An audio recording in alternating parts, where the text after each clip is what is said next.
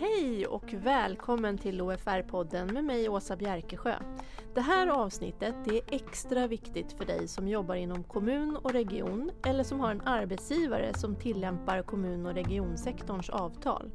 För idag ska vi tala om de nyheter och ändringar som sker i ditt tjänstepensionsavtal från och med 1 januari 2023. Och den som ska upplysa oss om det här, det är vår egen pensions och försäkringsexpert Cecilia Kurtelius Larsson. Välkommen Cecilia!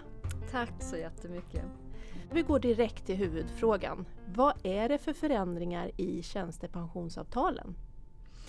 Ja, man kan börja med att säga att det finns två avtal. ACAP KL och CAP KR. ACAP KL kom 2014 och gäller för de som är födda 86 och senare. Det byter namn till ACAP KR.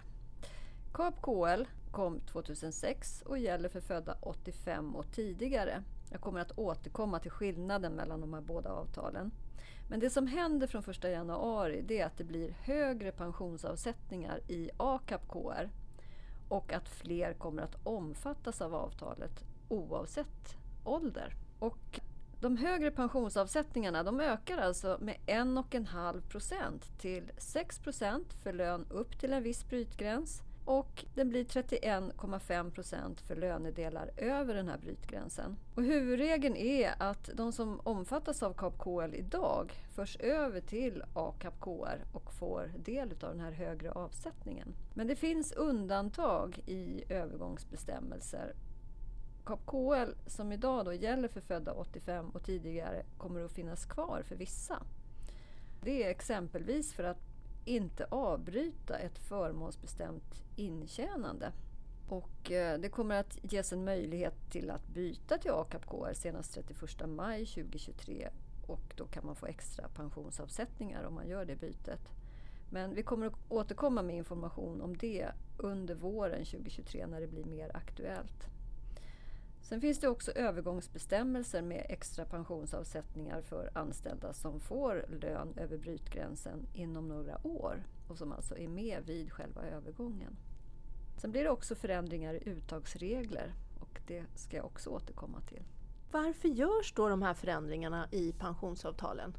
Jo, det finns ett behov av ökade pensionsavsättningar och nu blir det verklighet när de ökar med 1,5 procent i AKAP-KR Sen är det också så att ett avgiftsbestämt pensionsavtal är mer anpassat utifrån ett förändrat, mer flexibelt yrkesliv och den ökade rörligheten på arbetsmarknaden som är idag. Och det är ju inte riktigt de förmånsbestämda systemen anpassade för. Och det här då i kombination med ett längre yrkesliv i takt med att livslängden ökar så, så blir det ett enklare system att förstå. Och vad är då den här skillnaden mellan ACAP KR och CAP KL?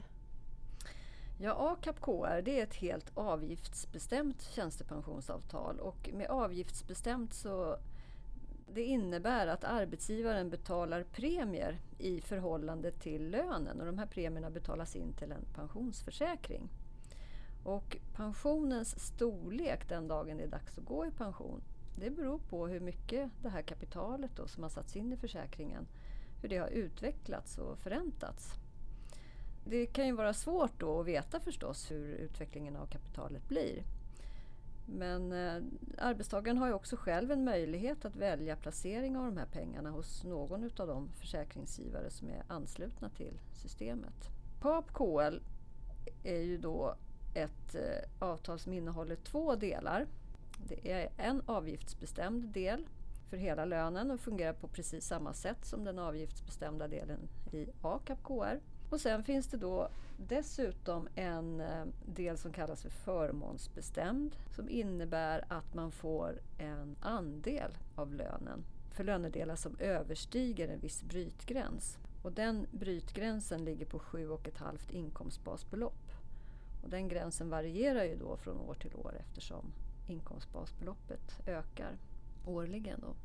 Den här andelen, den förmånsbestämda delen, andelen av lönen, den beräknas utifrån anställningstid och lön under en beräkningsperiod. Och den här beräkningsperioden är de sista åren i yrkeslivet. Ett genomsnitt utav de lönerna. Och eftersom du får en andel av lönen så är det arbetsgivaren som betalar din pension månatligen och livet ut.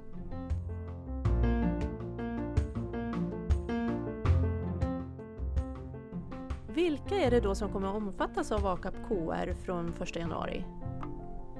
De som idag omfattas av AKAP KL fortsätter i AKAP KR och de som idag omfattas av KAP KL och har en fast lön upp till 44 375 kronor per den 31 december 2022 eller som inte har ett förmånsbestämt intjänande i form av en livränta, de går över automatiskt till AKAP KR. Och kan de som förs över från KAP KL till AKAP KR få extra pensionsavsättningar? Ja, de som automatiskt förs över till AKAP KR från KAP KL och får en lön över brytgränsen senast under 2026. Och brytgränsen är ju då 7,5 inkomstbasbelopp, en lön som överstiger det. De får extra avsättningar för de år som lönen överstiger den här brytgränsen och fram till 65 års ålder. Och det gäller både de som är anställda över årsskiftet, alltså både den eh, 31 december och den 1 januari, men även de som har arbetat i sektorn 1 oktober till 31 december 2022 och som börjar en ny anställning den 1 januari till 31 mars 2023. Vilka är det som kommer att fortsätta omfattas av KAP KL? Ja, om vi börjar med de som är anställda i avtalsområdet den 31 december 2022 och den 1 januari 2023. Så det enklaste att utgå ifrån det och titta på vad har man för fast lön per den 31 december 2022. Om lönen överstiger 44 375 kronor, alltså överstiger 44 375 kronor den 31 december 2022. Ja, då ligger man kvar i KAP-KL även efter årsskiftet. Och det här gäller ju då för de som är födda 85 eller tidigare. I den här lönen på 44 375 kronor, eller det som överstiger det beloppet, så ingår fasta lönetillägg. Det räknas in i löneunderlaget, men inte rörliga tillägg.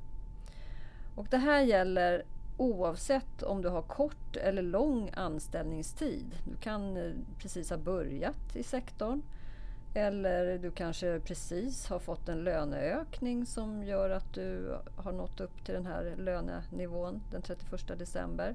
Det spelar heller ingen roll om du har startat den 15 december med den här lönen. Det, det viktiga är att lönen per den 31 december 2022 överstiger 44 375 kronor. Och förutsättningen för detta det är alltså att man är anställd i avtalsområdet den 31 december 2022 och den 1 januari 2023. Det behöver inte heller vara samma arbetsgivare utan eh, om det är så att man är anställd hos en arbetsgivare den 31 december 2022 och byter arbetsgivare per den 1 januari 2023 så är man ju fortfarande inom avtalsområdet, båda de här viktiga datumen. Det andra sättet är att titta på om man har en livränta beräknad för förmånsbestämd ålderspension per den 31 december 2022. Och det är lite komplicerat kanske att veta om man har det eller inte men för där tittar man på en genomsnittlig årsinkomst över flera år och den ska ju då överstiga 532 500 kronor. Men om något utav de här förutsättningarna är uppfyllda, ja då ligger man kvar i KAP-KL efter årsskiftet. Sen har vi även anställda i avtalsområdet någon gång under hösten och som påbörjar en ny anställning efter årsskiftet. Och då har vi vissa datum att förhålla oss till. Så att anställd i avtalsområdet någon gång under perioden 1 oktober till 31 december 2022 och som påbörjar ny anställning i avtalsområdet någon gång inom perioden den 1 januari till 31 mars 2023. De kan också ligga kvar i KAP-KL även om man alltså inte är med över årsskiftet. Men då måste man ha en livränta beräknad för förmånsbestämd ålderspension från den här anställningen som man har haft i avtalsområdet någon gång då under fjärde kvartalet, det vill säga den 1 oktober 2022 till den 31 december. Någonstans där måste man då ha en livränta.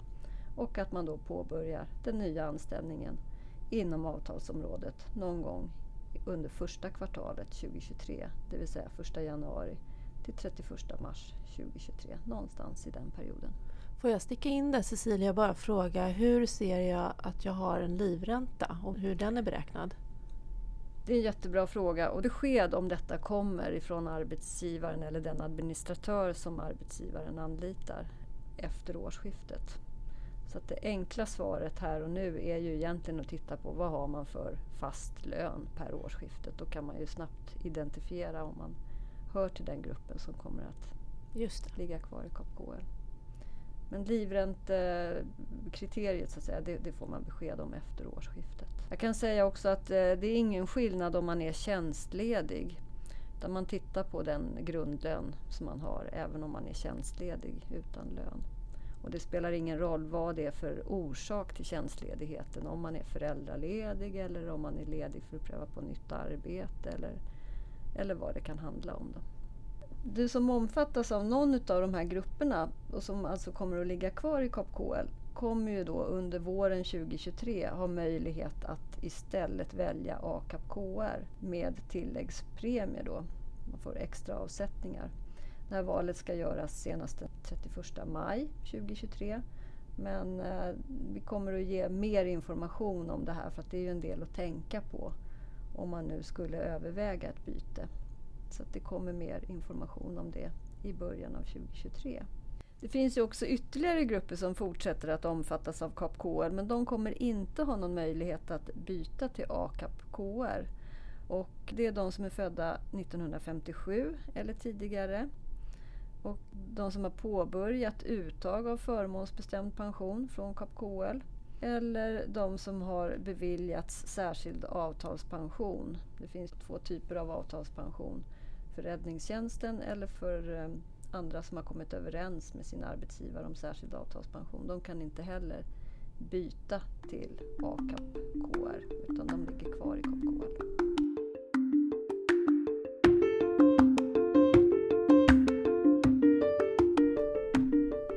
Så vad händer om man byter arbete så småningom? Ja, om glappet mellan anställningarna är max 90 kalenderdagar då får man behålla sin pensionslösning. Så om du då har haft KAP KL i den gamla anställningen så fortsätter du med KAP KL i den nya anställningen. Om du har haft AKAP KR med extra pensionsavsättningar i den gamla anställningen ja, då har du fortsatt de här extra pensionsavsättningarna i den nya anställningen. Men viktigt är alltså att det är max 90 kalenderdagar man kan vara borta från avtalsområdet för att omfattas av det här. Jag kan säga att det gäller inte för de som idag har PAKFS 09. De kommer att gå över till AKAP KR men eh, där kan man inte byta arbetsgivare och behålla extra pensionsavsättningar. Du har ju nämnt att det är nya uttagsregler, så vad är det för förändringar som sker där? Ja, tidigaste uttagsålder är ju idag 55 år och det höjs till 60 år från och med årsskiftet. Och den kortaste utbetalningstiden är ju idag 5 år och den höjs till 10 år. Men om det är så att man vill omfattas av de gamla bestämmelserna då kan man ansöka om uttag enligt de gamla reglerna då, före årsskiftet och påbörja uttag senast under 2023. Och eh, då behöver man kontakta försäkringsgivaren för det kan finnas olika deadlines där. Jag kan säga att tidigare så hade vi eh, parter sagt att eh, för att man skulle kunna ta ut enligt gamla reglerna så var man tvungen att påbörja uttaget före årsskiftet.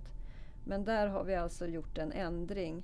Att är det så att man ansöker om uttag före årsskiftet och påbörjar uttaget under 2023 då kan man alltså göra det enligt de gamla reglerna.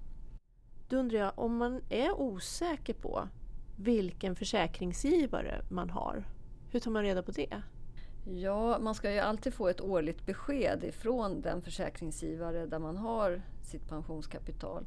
Man har en möjlighet att välja försäkringsgivare och har du gjort ett val så sätts ju pengarna, de här pensionsavsättningarna in till den försäkringen som du själv har valt.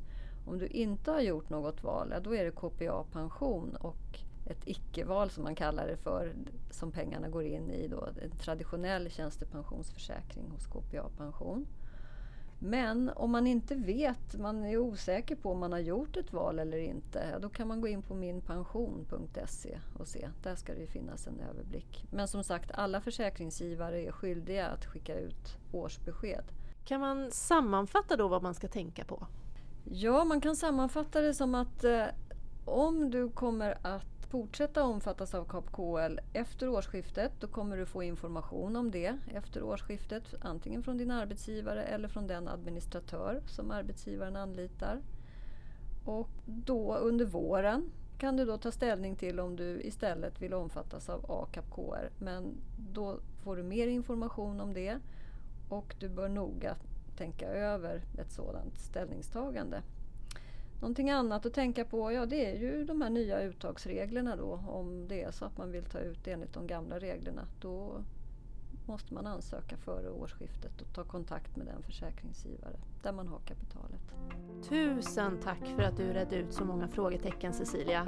Och vill du som lyssnar ha mer info eller kanske friska upp minnet lite sen, då kan du gå in på ofr.se och läsa mer där. Men för nu så tackar jag dig så jättemycket Cecilia för din medverkan här i podden. Tack själv Åsa. Och tack till dig som lyssnat. På återhörande.